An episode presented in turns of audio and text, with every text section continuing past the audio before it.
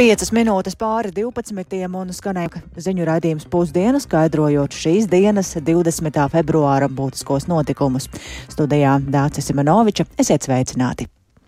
Un sākam ar Ukrainu, kurai ir būtisks Latvijas un citu domu biedru atbalsts gan Krievijas izpostīto teritoriju atjaunošanā, gan arī virzībā uz Eiropas Savienību un NATO. Līdz ar to Ukraina ir pateicīga par Latvijas līdzās būšanu jau pirms Krievijas iebrukuma Ukrainā.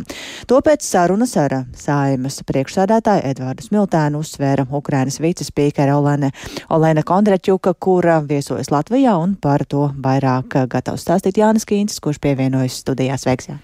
Sveika, Dārts, sveicināti klausītāji. Ukrainas parlamenta vai augstākās radas priekšsēdētāja vietniece Olena Kondratjuka vizītē Latvijā būs vēl vairākas dienas, un uh, mūsu valsti viņa apmeklē pateicoties par mūsu sniegto palīdzību tiešām jau pirms Krievijas iebrukuma, gandrīz pirms gada un uh, kopīgo nostāju par atbildības prasīšanu no Krievijas par tās mm, izdarītajām zvērībām Ukrainas teritorijā, uzbrukumiem civilajiem objektiem. Un lai arī šis iebrukums rit jau teju gadu un Ukrainas austrumos kopš 2014. gada ar ziņām no kara nedrīkst mierīgi sadzīvot, un to uzsvēra Olena Kondraķo, ka varam paklausīties viņas teikto. Не можна втомлюватися від, від війни. Nedrīkstam nogurt. Ir skaidrs, ka esam noguruši nevis no Ukrainas, bet no agresora, no Krievijas veiktajiem noziegumiem. Kad mēs to sapratīsim, tas dos mums spēju izturēt. Mēs to paveiksim visi kopā. Tas ir taisnīguma jautājums. Mūsu cilvēki ir pieraduši pie nērtībām. Bieži dzīvo bez elektrības vai ūdens apgādes. Mūsu cilvēki saprot, ka cīnās ne tikai par Ukrainu, bet gaismu un nākotni visā pasaulē. Свободу морально боремося за все світле, те, vadītāja būtības. Ukrainas parlamenta vicespiekera uzsvēra, ka, boiko, ka Ukraina turpinās boikotēt norises ANO drošības padomē, kamēr tur varēs piedalīties arī Krievijas pārstāvis. Tāpat šī kara laikā nevar būt nerunas par Krievijas un arī Baltkrievijas dalību Olimpiskajās spēlēs pat zem neitrāla karoga.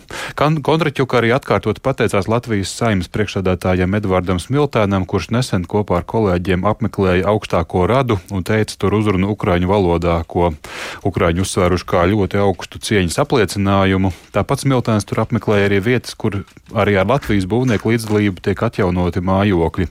Smiltēns savukārt pēc šīs sarunas uzsvēra, ka Latvija un partneri turpinās sniegt palīdzību Ukrainai līdz tās uzvarai šajā konfliktā. Paklausīsimies arī Smiltēna teikto. Šobrīd gatavojās otrais uzbrukuma vilnis. Ukrainai palīdzība vairāk vajadzīga nekā jebkad iespējams sliktākais vēl tikai priekšā. To, ko mēs izrunājām, tātad gan šajā jaunajā formātā, ko izdevās nodibināt 3 plus 1, Baltija plus Polija, gan citos. Latvijai ir pienākums, mēs to darīsim līdz pat Ukrainas absolūtai uzvarai. Pirmkārt, nodrošināt to, ka citas valstis nemainīgi atbalsta Ukrainu. Otrakārt, runāt par Krievijas atbildību šajā asiņainajā karā, tātad tribunāla jautājums, un tāpat arī runāt par reparācijām, atlīdzināt zaudējumus, Ukraiņas atjaunošanas jautājums, un tāpat arī būt aktīviem pirmajās rindās, kas runā par Ukraiņas iestāšanos Eiropas Savienībā un NATO. Vēl piebildīšu, ka militārajā jomā Latvijas palīdzība Ukrainai ir sasniegusi jau apmēram 480 miljonus eiro, vai ir jau virs 1% virs iekšzemes koprodukta. Tā skaitā ir nosūtīti gan eh, divi helikopteri, gan bezpilotu lidaparāti, gan arī pretgaisa aizsardzības sistēmas. Un vienlaikus arī mūsu Nacionālo bruņoto spēku eksperti iesaistīti un būs iesaistīti ap 2000 Ukraiņas karavīru apmācībā. Protams, arī nevar nepieminēt grūti izmērāmo, bet ļoti plašo palīdzību, ko snieguši iedzīvotāji, tajā skaitā ar organizāciju Ziedot LV, Lietotnes Stopify un daudzu citu organizāciju palīdzību. Un arī viņiem šodien Ukrainas parlamenta priekšsēdētāja vietniece izteiks savu pateicību. Savukārt šajā pēcpusdienā no kongresa nama ceļā uz Bahmutu Ukrainā dosies kārtējais palīdzības konvojs. Tajā būs trīs mikroautobusi ar Latvijā ražotu militāro apģērbu un citām frontē nepieciešamām lietām septiņu brigāžu vajadzībām. Paldies, tev, Jāni, tas par Ukrainas parlamenta vicespiekars vizīti Latvijā, bet mēs turpinām ar šī brīža karstāko ziņu, jo tikko ir saņemta ziņa, ka Ukrainas galvaspilsētā Kīvā ir šodien ieradies ASV prezidents Joe Biidens, un par to šajā brīdī esam sazinājušies ar kolēģi Uģi Lībietis. Sveiks, Uģi, vārds tev!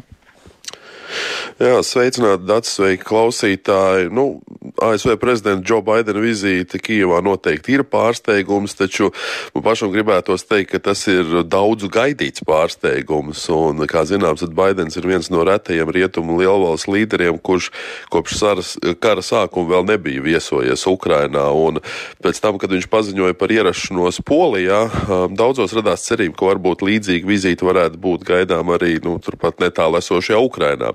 Nu, taču acīm redzot, viss ir noticis ļoti lielā slepenībā, bet nu, jāsaka gan, ka pat Krievu mēdījos šorīt ļoti aktīvi tika apspriesti pamatīgie satiksmes ierobežojumi Kijevā, kas varētu liecināt par kādu augstu stāvošu rietumu viesa ierašanos. Nu, tika prognozēts, ka tā varētu būt Starptautiskā valūtas fonda vadītāja Kristina Georgieva vai kāds cits. Tagad mēs redzam, ka tas ir Joe Bidenis. Vēlāk jau atklātībā ir parādījušies arī pirmie video, kuros Ukrainas prezidents Valdimirs Zelenskis ir redzams kopā ar Džo Baidenu apmeklējot Mihailovu laukumu Kievā. Fonā gan arī dzirdama ir gaisa trauksmes sirēna. Un, kā arī savos sociālajos tīklos ir ierakstījis Valdimirs Zelenskis, tad uh, Baidena ierašanās Kievā kara pirmās gada dienas priekšvakarā ir ārkārtīgi svarīgs atbalsta izrādīšanas žests uh, visiem ukraiņiem. Un citi komentētāji jau norāda uz tādu simbolisku vēstījumu, jo nu, jau pirms 360 dienām Krievija bija cerējusi pastaigāties pa Kievu, bet tagad mēs redzam, ka arī kara pirmajā gada dienā šeit viesojās ASV prezidents Joe Baidens. Par šo vizīti noteikti turpmāk vairāk stāstīsim nākamajos ziņu izlaidumos. Paldies, tev, Uģi, un tā kā mums Kīvā ir speciāla korespondenta Indra Sprānce, tad um, šobrīd arī viņa telefoniski pievienojas. Labdien, Indra! Jā, labdien! Es uh, dzīvoju tepat blakus tajā rajonā, kur nu pat uh, arī bija paviesojies Baidens, un jāsaka, uh, tas arī bija uh, redzams, uh, proti, uh, atrados uz ielas, kad visas uh, centrālās ielas, kas ved uz šo laukumu, bija slēgtas un bija uh, patiešām ļoti daudz uh, um, policisti, arī citas militā, militāra personas. Uh, mm, grūti pateikt, kas tās bija pa vienībām. Katrā ziņā uh, šie drošības pasākumi bija ļoti nopietni šajā centrā. Un, kas bija interesanti un netipiski, ka parasti gaisa trauksmes laikā tad uh, tomēr notiek, nu, nenotiek šāda veida aktivitātes, taču acīm redzot, neskatoties uz, uz, uz uh, gaisa trauksmi, Uh, tas viss uh, šajā pilsētas centrālajā daļā uh, bija vērojams. Man pašai gan uh, neizdevās uh, redzēt uh, Baidena kolonu, bet uh, tikai tik daudz, ka bija vērojami patiešām ļoti nopietni šie te, uh, drošības pasākumi šajā pilsētas daļā. Tātad nepamanīt to nevarēja. Atgādināšu, ka ASV prezidents Džo Baidens um, ir ieradies Kīvā, un mēs tikko arī sazinājāmies ar mūsu speciālu korespondentu Kīvā Indru Sprānci. Шановні громадяни України, сьогодні вранці президент Путін оголосив проведення спеціальної військової операції на Донбасі. 24. februāris Gads kopš kara Ukrainā.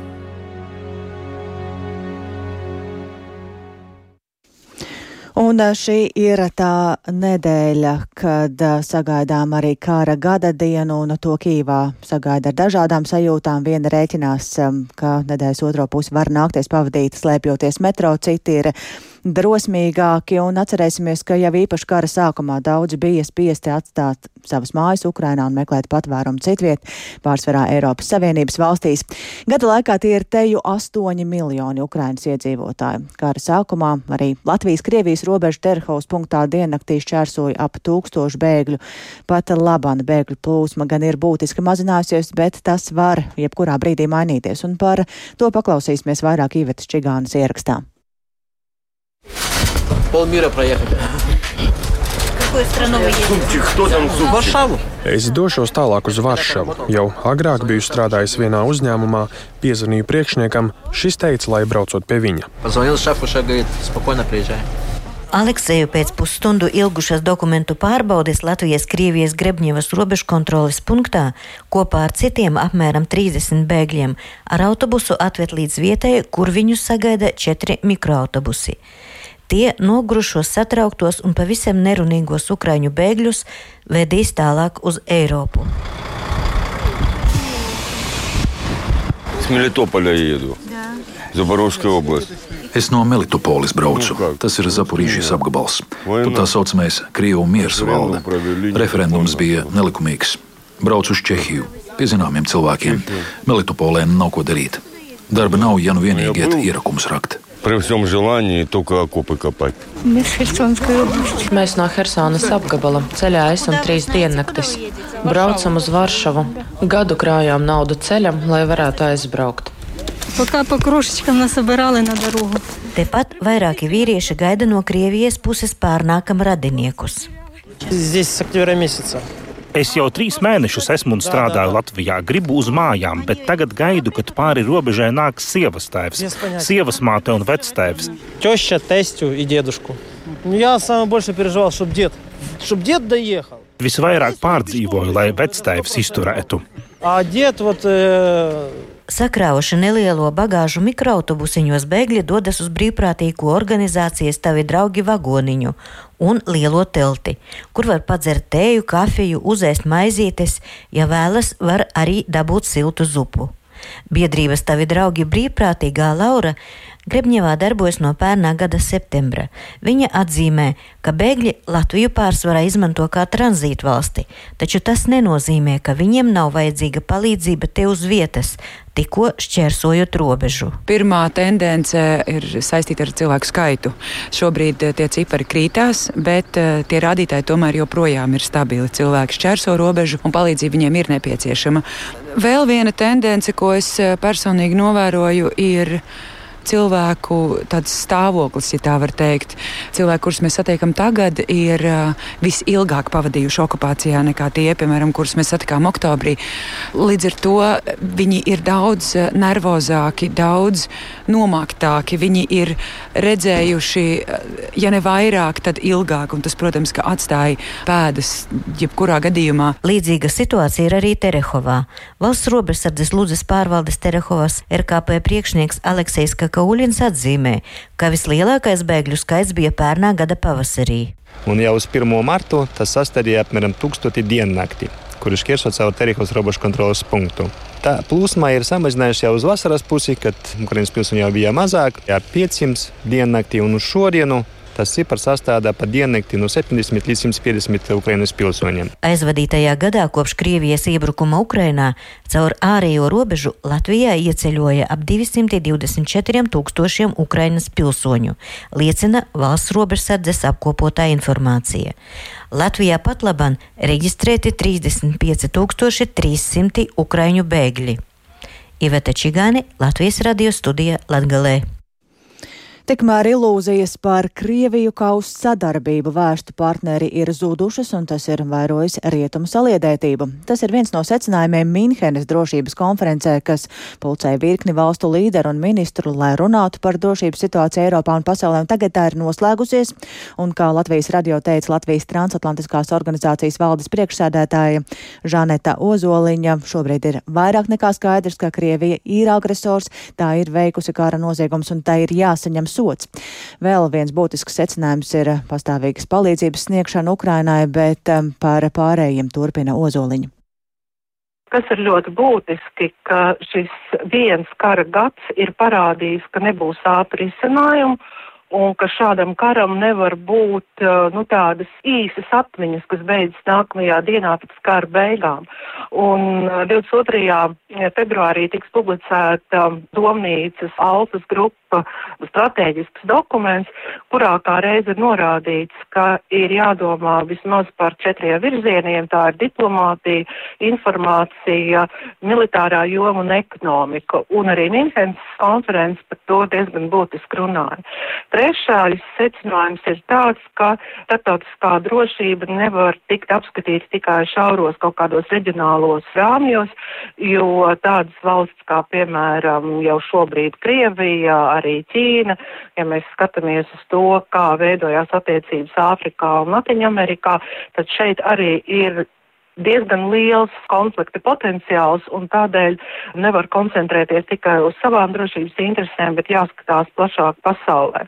Vai vispār Putins šobrīd vēl ir valsts līderis, ar kuru kāds ir gatavs sarunāties? Nu, jebkurā gadījumā, vai tas patīk vai nē, bet uh, Putins ir tajā amatā, kurā viņš ir. Un uh, tajā brīdī, kad Ukraina uzvarēs karā, un es domāju, ka par šo jau faktiski šaubu arī nav, ātrāk vai vēlāk, bet tas būs. Tad nav izslēgts, ka Putins būs tas, ar kuru arī sarunas varētu tikt vestas, bet es saku pie nosacījuma, ka Ukraina šajā karā uzvar. Diezgan bieži rietumais mēs dzirdam, ka tas ir Putina karš, bet ka principā sabiedrībā noskaņojumi ir pretēji, kas neatbilst objektīvā realitātei. Šajā brīdī mēs redzam, ka atbalsts Putinam tomēr ir, un Krievijas sabiedrības domāšanas maiņa nenotiks ne divos, mm. ne trijos gados, Jā. un pat ir grūti iedomāties, ka tas varētu notikt pat desmit gažu laikā. Tā Žaneta Ozoliņa kolēģei Artai Skujai, tikmēr Ķīna ir nosaukusi par nepatiesiem ASV apgalvojumus par ieroču piegādēm Krievijai.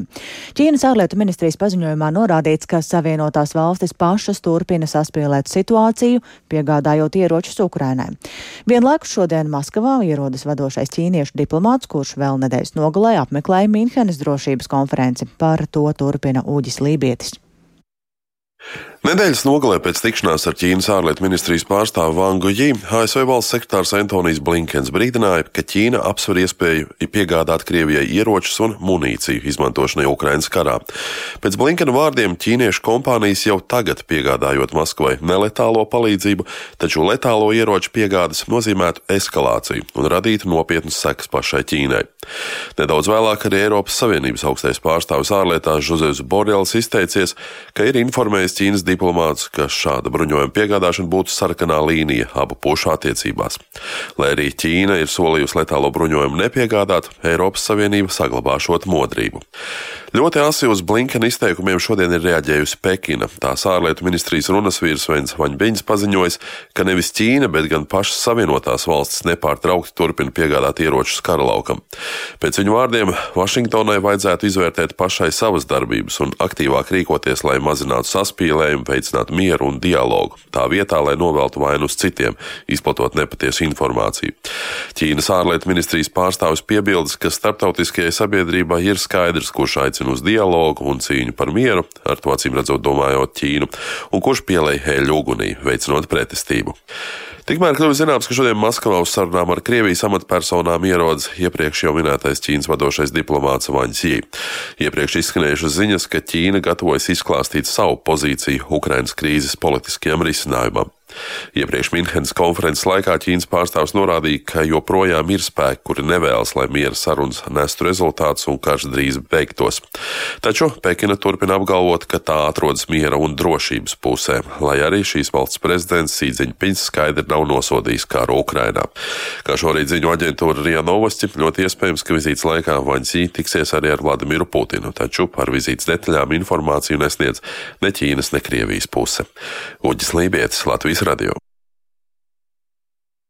Un mēs turpinām ar notikumiem pašmājās. Saplaisājusī dzīvojumā ēka Rīgā Valdemārielā kvartālā starp Alojas un Šarlotas ielām šodien joprojām ir norobežota. Šajā ielas posmā ir slēgta satiksme un jāteic, ka iedzīvotāji jau agrāk ir sūdzējušies par plaisām, taču nekāda reakcija nesot sekojas. Un par to vairāk zina stāstīt kolēģi Zāne Eniņa, kura pievienojas studijā. Labdien, Zāne! Vārds tev. Labdien! Jā, pašlaik gan Valdemāra iela, gan 117. ēka, gan 119. ēka abās ir aizliegta eksploatācija. Un, kaut gan Rīgas doma būvvaldes sūtīs būvinspektoru, kur, kurš pārbaudīs ēkas par to, kas ar namiem notiks tālāk, būs jālemj īpašniekiem. Tā pauda Rīgas domas būvobjektu kontrolas nodaļas pārstāve Aija Meļņikova.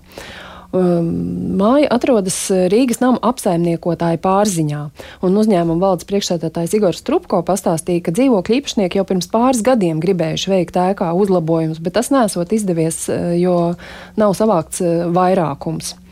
Rīgas nama apsaimniekotājs esot apsolījies palīdzēt tik tālu, ka atbalstītu finansējumu piesaist no altuma, kad būtu gatavs ēkas uzlabošanas projekts.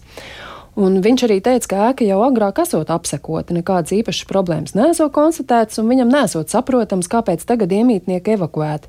Jo tādas plaisas bijušas ne tikai pirms pieciem, bet arī pirms desmit gadiem.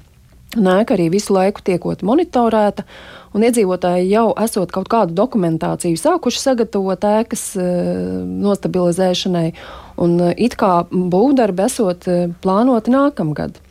Um, vēl es runāju ar arhitektu Jāni Lēnieku, kurš ļoti labi pārzina Rīgas apbūvi. Un viņš pastāstīja, ka kvartāls starp Šarlotas un Alojas ielu ir taps 30. gadu beigās, un šī vieta esot samērā zema. Pamatā ir Daugavas senkrasta grunts un bijis jāieliek kārtīgi pamati, taču ne visi to izdarījuši. Un jau būvniecības laikā viena ēka esot sagrūsties gan bez cilvēku upuriem. Un arī tagad kvartālā ir gan ēkas, gan ar plaisām, gan bez tām.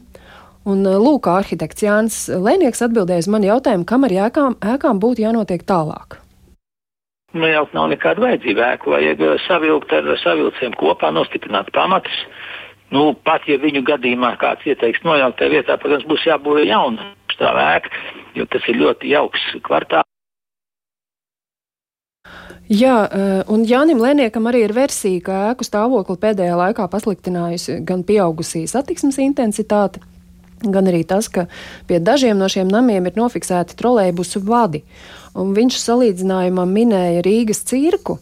Arī tam pie ārsienas esot bijuši piestiprināti trolēļbusu vadi, bet pēc tam, kad stiprinājums noņēma, ēkas kaitējums vairs nav turpinājies. Bet Valdemāra ielas ēka īpašniekiem esot vajadzējis jau laikus domāt par pamatu stiprināšanu. Paldies, Zāne, tik tālu par šo konkrēto ēku, taču rodas arī jautājums, vai līdzīgs liktenis nedraud citiem Rīgas namu iedzīvotājiem.